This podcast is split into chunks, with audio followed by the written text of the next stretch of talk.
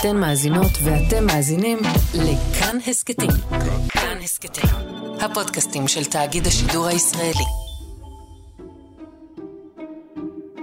באחד הלילות ב-1971, ג'וני מיטשל נרדמת בלילה וחולמת חלום מוזר. חלמתי שאני שקית ניילון. יושבת באודיטוריום גדול וצופה בתזמורת של נשים שמנות מנגנות בטובה. אני מקשיבה להן מנגנות, ואני שקית ניילון, עם כל האיברים הפנימיים שלי חשופים, בוכה בזמן שאני יושבת על כיסא באודיטוריום. וככה הרגשתי, כאילו כל האיברים הפנימיים שלי חשופים ושקופים, וכולם יכולים לראות אותם. במצב הזה הייתי כשכתבתי את בלו.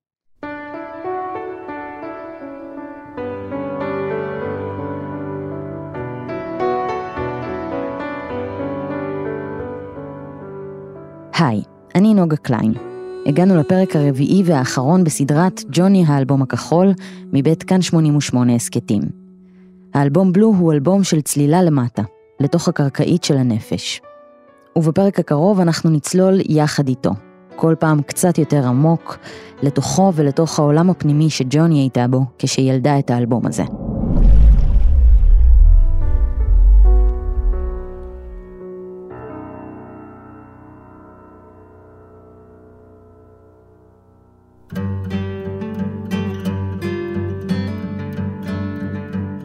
כש Ladies of the Canyon יצא, ג'וני כבר הייתה במקום לא טוב.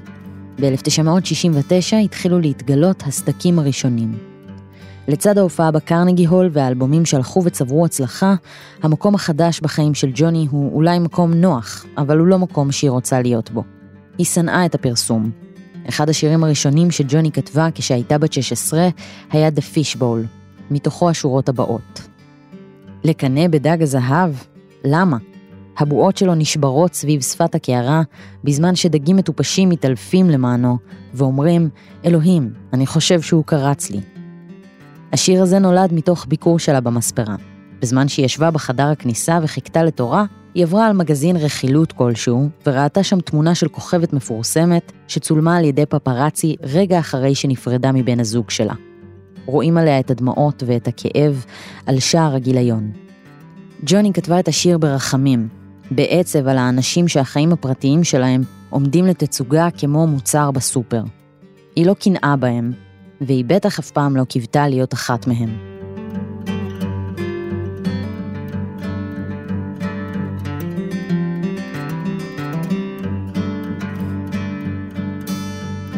גם את הכסף החדש היא לא הבינה.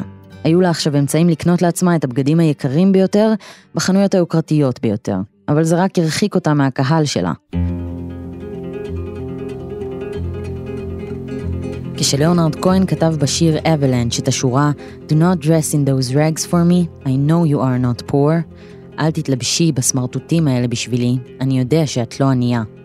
ג'וני הרגישה שזה עלבון אישי כלפיה. היא רצתה להיות מחוברת לפשטות והקלות של החיים שחווה הקהל שלה. אבל מישהו שם אותה על האולימפוס, והיא אפילו לא רצתה להיות שם. אז היא לבשה ג'ינס ושמלות מחנויות יד שנייה זולות. גם בהם היא הרגישה שהיא בוגדת בעצמה ובאנשים שמקשיבים שרה. ושם התחילה הצלילה למטה. Not dress in those rags for me. I know you are not poor.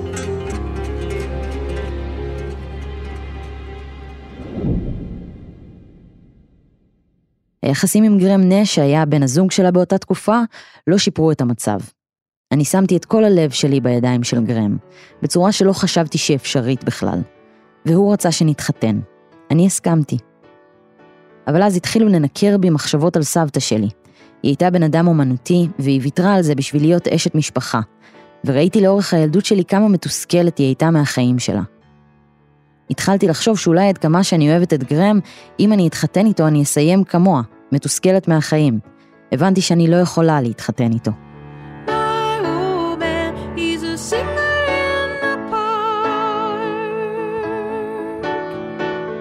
בהבנה הזו היא כותבת את השיר My Old Man שיופיע בבלו. הוא מלא באהבה כנה, אבל גם בגעגוע, לתקופות שבהן הכל היה פשוט יותר.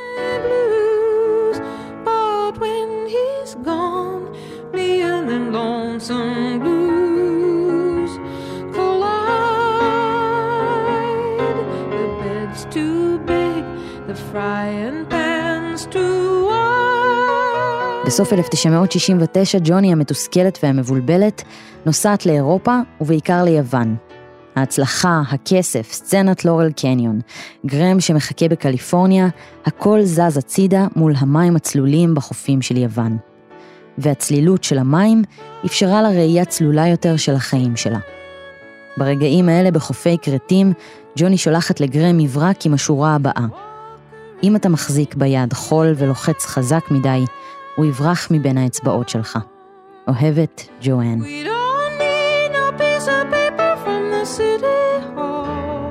Keeping us tight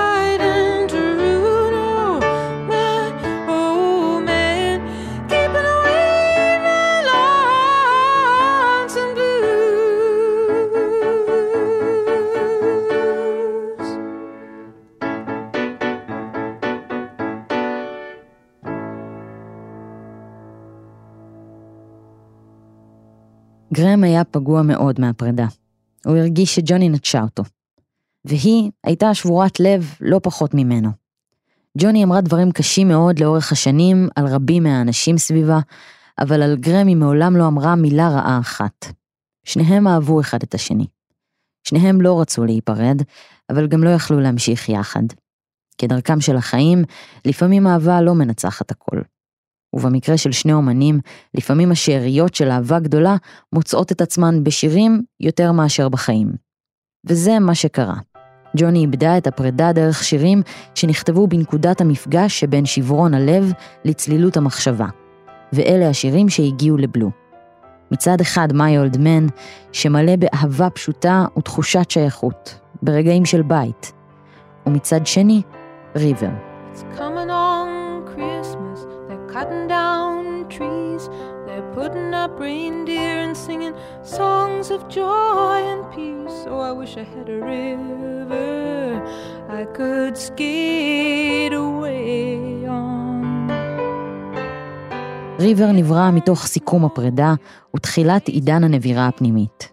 שיר שכולו עצב מהאובדן של הבית הזה, עם האגרטל והפרחים שהיא כתבה בגינה והאש שהוא הדליק באח. השירים של ג'וני אלגרם מזכירים דווקא שורה משיר אחר שלה. You don't know what you've got till it's gone. ואיתם הצלילה למטה העמיקה.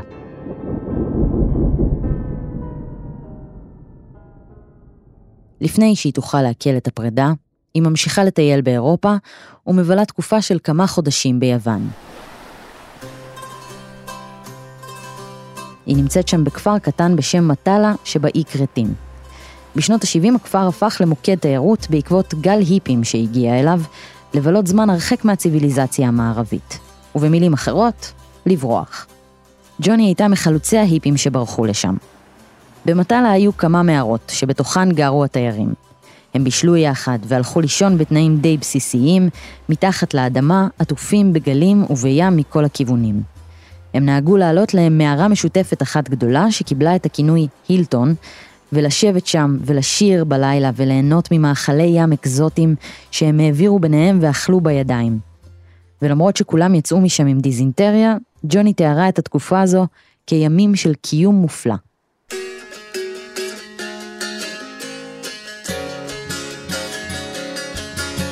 The wind is in from Africa. Last night I couldn't sleep. שם ג'וני פוגשת בחור בשם קרי, שהיא תיארה בצורה הבאה. לפני כמה שנים נסעתי ליוון, וכשהייתי שם פגשתי את האמריקאי הסורר הזה, עם שיער אדום לוהט ועם אופי אדום לוהט. היה לו זקן אדום מתלקח ולב זהוב קטן באוזן אחת, חישוק קטן באוזן השנייה, וטורבן לבן מסובב על הראש שלו. כשנפגשנו הייתה לי שקית זבל ביד ושאלתי אותו, אתה יודע מה לעשות עם הזבל הזה? אנחנו לא רוצים להשאיר את זה על החוף. ועם המבט הזה העז בעיניים ומצח חזק להפליא מרוב חשיבה עמוקה, הוא לקח את זה מהידיים שלי, הביט לי עמוק בעיניים וזרק את הכל על הרצפה. הפכנו לחברים. לקראת יום ההולדת שלו כתבתי לו את השיר קרי. Oh, you're a mean old daddy, but I like you.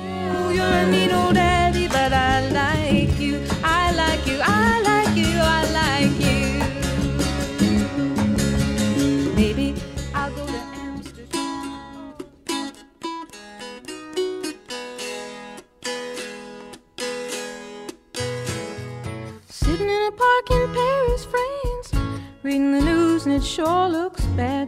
They won't give peace a chance. That was just a dream some of us had.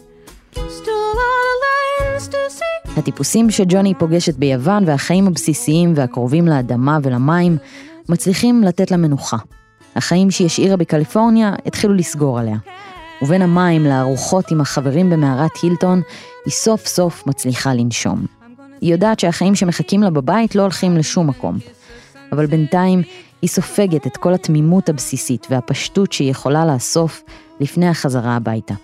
ובאווירה הפשוטה והקלה הזו, שמעולה בגעגועים לבית, ג'וני כתבה את אחד השירים השמחים יותר באלבום בלו, קליפורניה. California,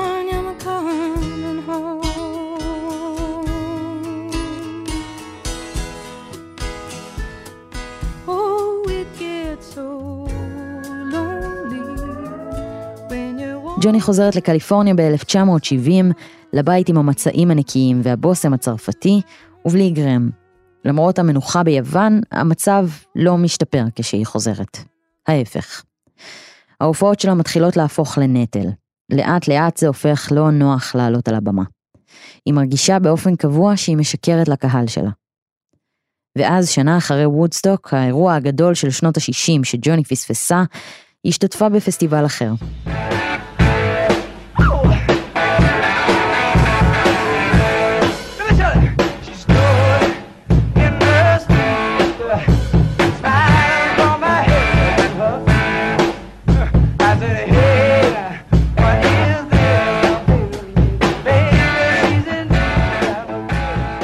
באוגוסט 1970 יצא לדרך הפסטיבל השלישי באי ווייט באנגליה, עם ליאונרד כהן, הדורס, ג'ימי הנדריקס, מיילס דייוויס ועוד.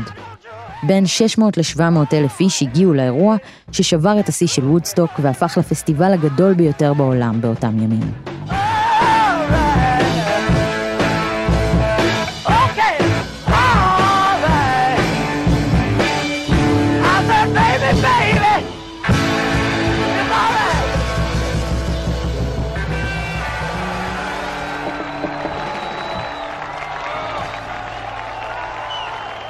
אבל בניגוד לוודסטוק, כאן לא היו לא שלום ולא אהבה.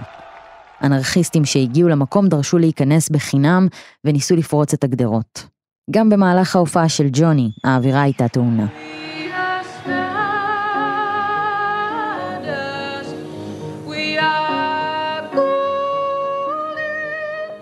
בזמן שהיא שרה את השיר על וודסטוק, אחד המוחים מהקהל מתפרץ לבמה, חוטף לה את המיקרופון ומתחיל לנאום באגרסיביות. וג'וני נבהלת מאוד מהסיטואציה.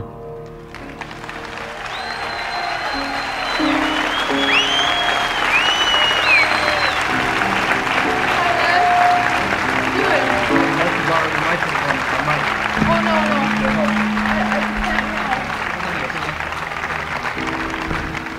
Sorry, I can't do that. I have an announcement that I've been asked to make.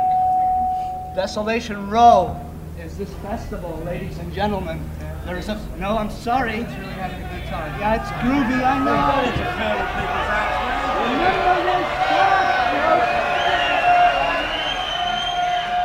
גם אחרי שהמיקרופון חוזר אליה, הקהל צועק לה בוז כי היא לא ממשיכה לשיר.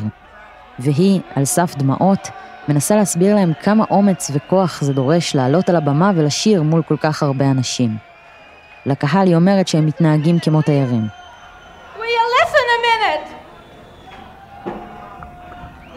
Listen. And I think that you're acting like tourists, man. Give us some respect.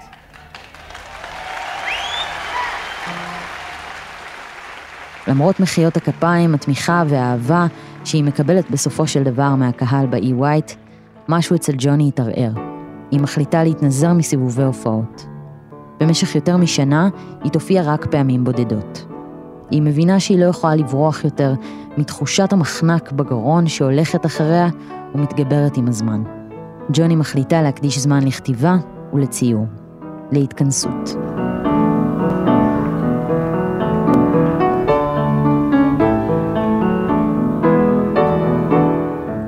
אחת ההופעות הבודדות של ג'וני בסוף 1970 הייתה מופע התרמה לארגון גרינפיס באלסקה. ושם היא העלתה לבמה כאורח את מי שהיה אז בן 22, מוזיקאי צעיר בשם ג'יימס טיילור. Sunny sky sleeps in the morning. He doesn't know when to rise. He closes his weary eyes upon the day. הם נפגשו במועדון הפולק המפורסם בהוליווד, הטרובדור, שבו שניהם ניגנו באופן קבוע. ג'וני, שכבר הרגישה את הסדקים שלה בפנים הולכים ונפערים, ראתה בטיילור את קלות הרוח שהיא מתגעגעת אליה. התאהבתי בו כי הוא היה כל כך קליל, והייתה בו רוח חופשייה. ג'יימס מהצד שלו תיאר את ג'וני ככה: יש בה כל כך הרבה חושניות, והיא חופשייה עם הגוף שלה. היא כמו אלה.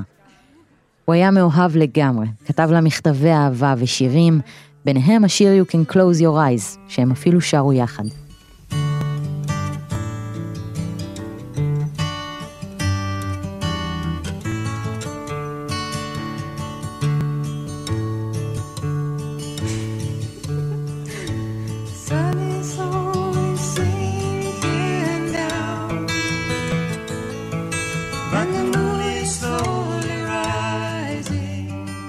זו הייתה זוגיות מקסימה. הם הוציאו אחד מהשני את הילדותיות ואת הפשטות. הייתה שם אקסטזה של התאהבות. אבל זה מה שקרה רק מעל פני השטח.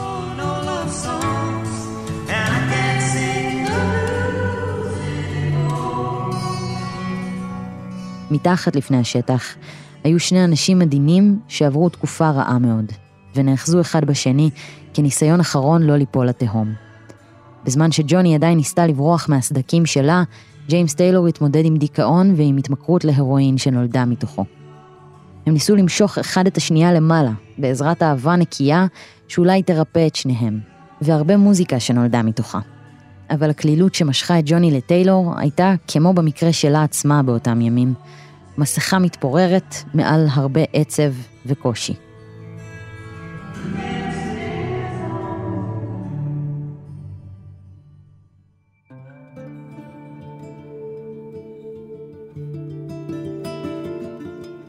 באחת התמונות שלהם יחד, טיילור מסתכל הלאה במבט טרוד. שקים שחורים מתחת לעיניים שלו.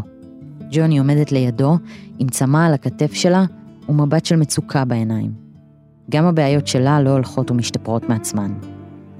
הם היו אמפתיים, אוהבים ותומכים אחד לשנייה. אבל גם כואבים מאוד. מערכת היחסים הזו החזיקה מעמד רק כמה חודשים, לתוך 1971, ואז היא נגמרה. קשיים וסבל לא היו זרים לג'וני, היא כבר חוותה לא מעט מהם. אבל ההיכרות עם העולם השחור בעיניים של טיילור הייתה סיפור אחר.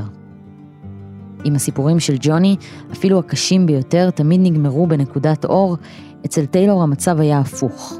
החושך וההרס העצמי שהוא התמודד איתם חיכו לו בכל חלקה טובה. והם טפטפו בזהירות לתוך המוזיקה של ג'וני.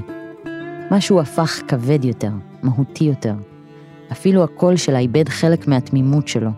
את הצחוק שהיה מסתנן החוצה בחלק מהשירים שלה.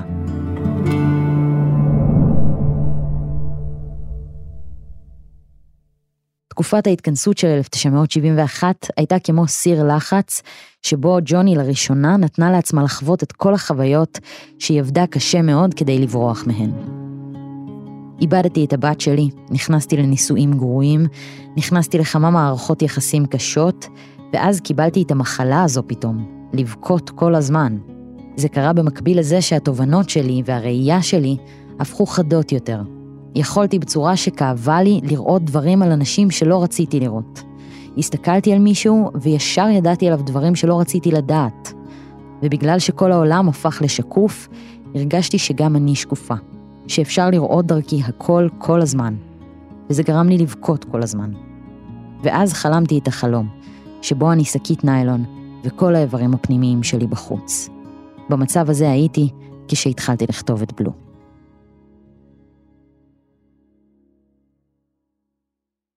הצלילה למטה הביאה את ג'וני לקרקעית הים. היא הגיעה להתמוטטות עצבים. פקעת רגשות שכל דבר שנוגע בה מאיים למוטט את כל המבנה. אבל יחד עם חוסר היציבות הרגשי, מגיעה בהירות מוחלטת. אנשים התחילו לסגוד לי, ולמי שהם חשבו שאני, אבל הם סגדו למשהו לא אמיתי. כשהתחלתי לעבוד על בלו הבנתי שאם אני קול ציבורי, אם אנשים מתייחסים אליי בסגידה המוזרה הזו, אני חייבת לפחות להגיד להם בכנות למי הם באמת סוגדים.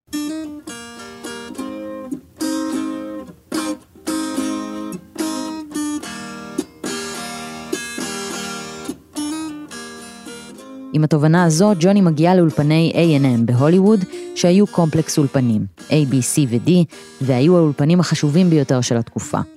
מכל קצוות ארצות הברית, אומנים נדדו אליהם בשביל להקליט מוזיקה. ג'וני נכנסה לאולפן C, ולא יצאה ממנו במשך חודשים. באולפן A הקליטו הקרפנטרס, ובמקביל באולפן B, קרול קינג הקליטה את אלבום המופת שלה, Tapestry.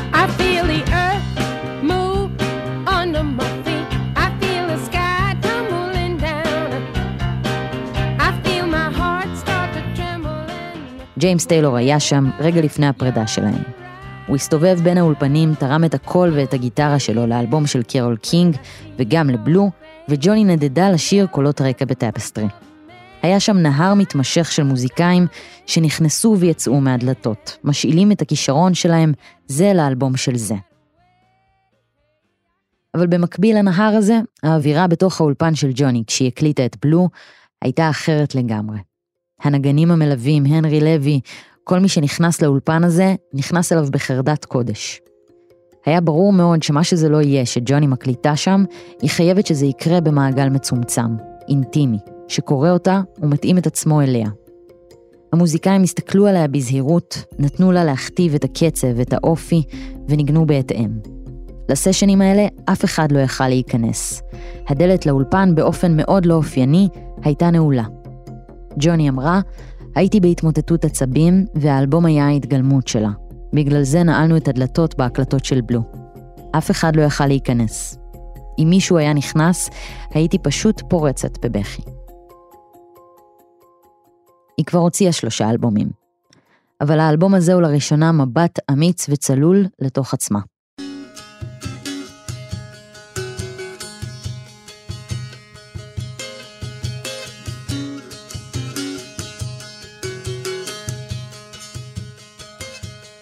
אלה לא נקודות קטנות בחיים שהופכות לשיר. כל החוויות מתלכדות לסיפור אחד. כל האהבות נכנסות אחת לתוך השנייה. כל השברונות מתערבבים זה בזה. הצלילים שפותחים את האלבום בשיר שמוציא אותנו לדרך הם צלילי הדולצימר האפלצ'י. ואז מגיעות המילים שמתחילות את השיר הראשון, All I Want.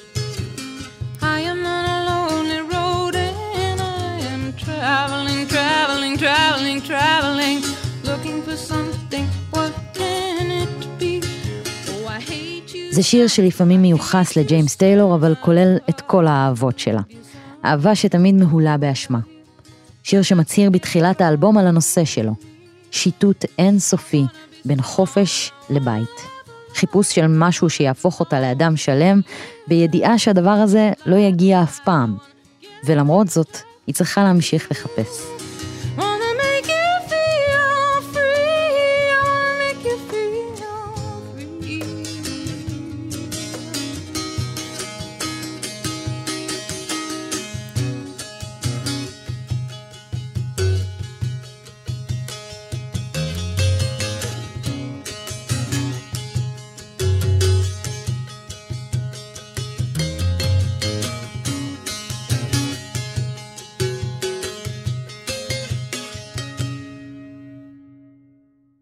ישר אחריו מגיע My Old Man, ואנחנו עוברים דרך הנוסטלגיה המרירה מתוקה של הימים הפשוטים עם גרם נש.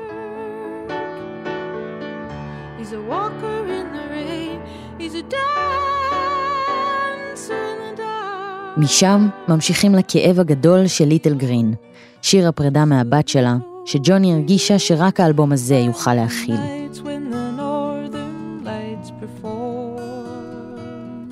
חוזרים להפוגה של רוגע עם קרי באיים היווניים.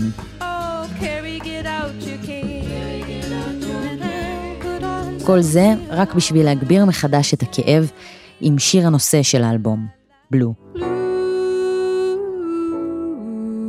הגעגועים לבית וההומור של קליפורניה.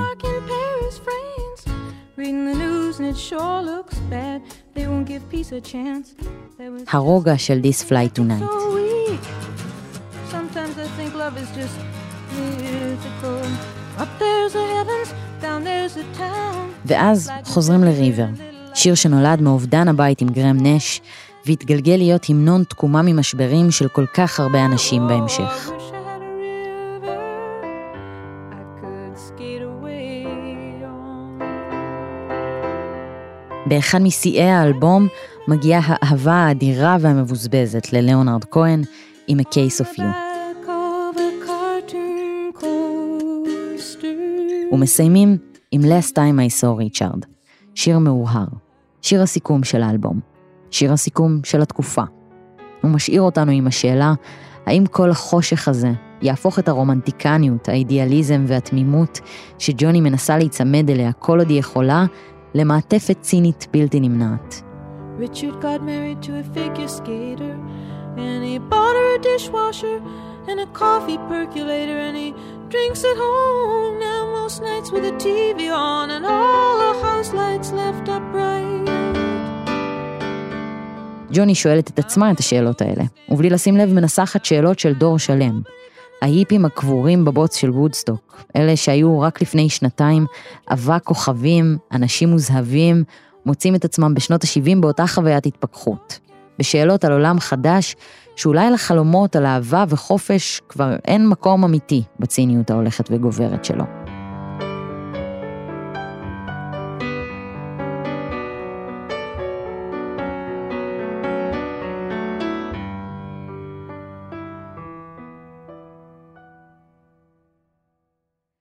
באלבום הזה אין אפילו תו אחד שלא שרתי בכנות. בתקופה הזו של החיים שלי לא היו לי שום הגנות. הרגשתי כמו עטיפת צלופן על חפיסת סיגריות. הרגשתי כאילו אין לי שום יכולת לשמור סודות מהעולם. ולא משנה כמה הייתי רוצה, לא יכולתי להעמיד פנים שאני חזקה או שמחה. היתרון של זה היה שגם למוזיקה עצמה לא היו שום הגנות. ההקלטות של האלבום נגמרו במרץ 1971. ואז, ב-22 ביוני 1971, האלבום יצא.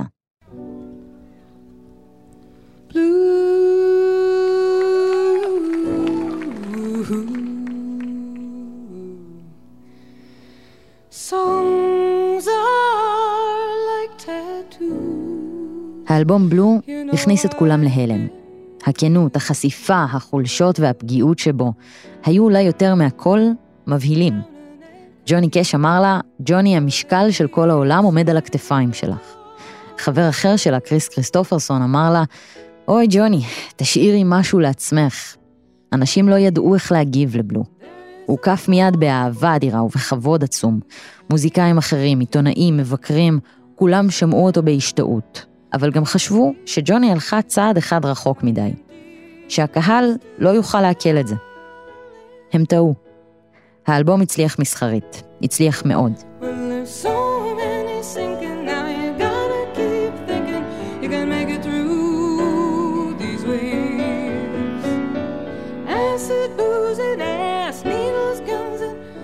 לקח לכולם זמן להבין שתחושת שברון הלב והצלילה העמוקה בתוך האלבום היא לא תחושה שרק הם חווים. לקח זמן להבין שג'וני שינתה את הכללים. מעשור לעשור, בלו השפיע על יותר מוזיקאים ויותר אנשים.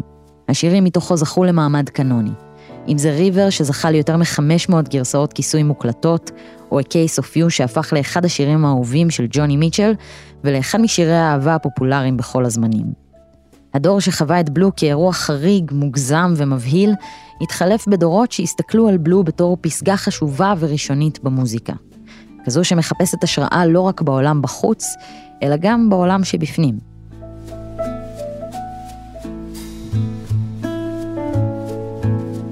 ב-2012 המגזין הרולינג סטון פרסם את רשימת 500 האלבומים הגדולים בכל הזמנים. בלו הגיע למקום 30. ב-2020, ברשימה המעודכנת, בלו כבר כבש את המקום השלישי. איך אפשר להסביר את הקפיצה הזו? הצינים יגידו, פוליטיקלי קורקט. אבל אולי שווה במקום פשוט לפתוח רדיו.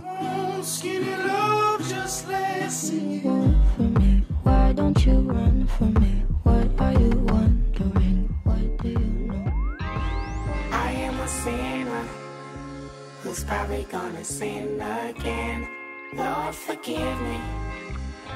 Lord, forgive me. כולם עושים את זה היום. חשבון נפש בתוך שירים. כאב וחולשות. הסגנון יכול להשתנות, אבל הגישה הכנה והחשופה למוזיקה חוזרת עם ג'וני ל-1971, לבור העמוק שלה ולמוזיקה שהייתה גלגל הצלה. אבל יש לאלבום הזה צד נוסף, והוא שגם עמוק בתוך הבור שלה, ג'וני כתבה שורות עם הרבה מאוד הומור. Constantly in the darkness. Where's that at? If you want me, I'll be in the bar. I wanna talk to you. I wanna shampoo you. Wanna renew. למרות כל העצב והקושי, ואולי אפילו בגללם, ג'וני הצליחה למצוא אור גם עמוק בקרקעית הים. אולי היא מלמדת אותנו שאחרי שפוגשים את החיים משני הצדדים, גם ברגעים קשים, אפשר למצוא סיבות לצחוק קצת. ואז להמשיך הלאה.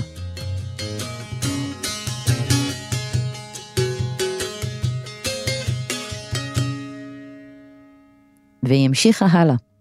אחרי בלו, ג'וני מצאה בית חדש, או חדש-ישן. היא חזרה לקנדה, לטבע שלה, לנופים שלה.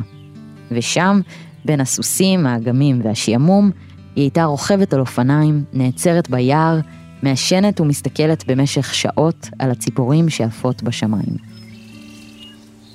ולאט לאט היא הרגישה יותר טוב. החיים שלה לא היו פחות מאתגרים, וקשיים לא הפסיקו להגיע, אבל אלה החיים.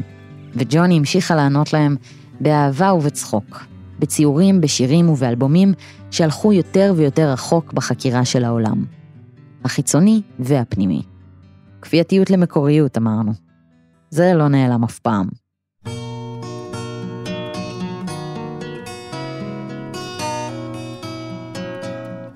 ב-1997, מישהו שלמד עם ג'וני בקולג' מכר לעיתונאים את סיפור ההיריון והלידה שלה. כך לראשונה, העולם גילה מה עומד מאחורי ליטל גרין. ג'וני חיפשה במשך שנים את הבת שלה, מתחת לרדאר ובשקט. וכשהסיפור יצא החוצה, היא סוף סוף מצאה אותה. קלי דייל אנדרסון גדלה להיות קלי גיב, וחידשה את הקשר עם האימא הביולוגית שלה. מאז ועד היום, הקשר ביניהן ידע עליות ומורדות, אבל החלק הזה בלב של ג'וני, שבמשך יותר מ-30 שנה לא יכל למצוא מנוחה, סוף סוף נרגע.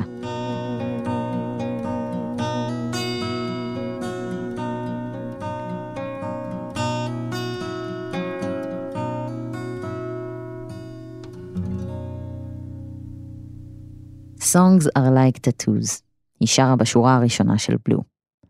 ואולי לא כל השירים הם כמו קעקועים. חלקם הולכים ודוהים עם הזמן, חלקם נמחקים, אבל לא השירים של בלו.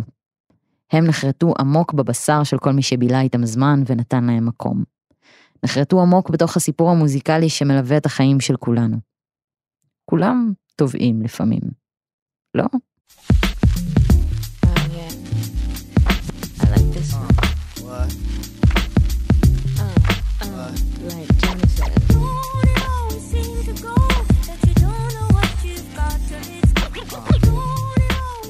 האזנתם לפרק הרביעי והאחרון במיני סדרה ג'וני האלבום הכחול, מבית כאן 88 הסכתים. פרקים נוספים וסדרות נוספות תוכלו למצוא באתר כאן 88 וביישומון כאן. אנחנו נמצאים גם בכל יישומוני ההסכתים. רשימת מקורות ניתן למצוא בעמוד ההסכת, את המיקס והסאונד של הפרק ערכה רחל רפאלי. הפקה ועריכת פסקול, תומר מולביטזון. סייע בהפקה גיל מטוס. תודה לאור בן אסולי, מאיה קוסובר, מיטל ברגמן, ניר גורלי, עופרי גופר, עופרי מקוב ועינב יעקבי. אני נוגה קליין, בואו להגיד שלום בקבוצת כאן הסכתים בפייסבוק. Never lies, lies.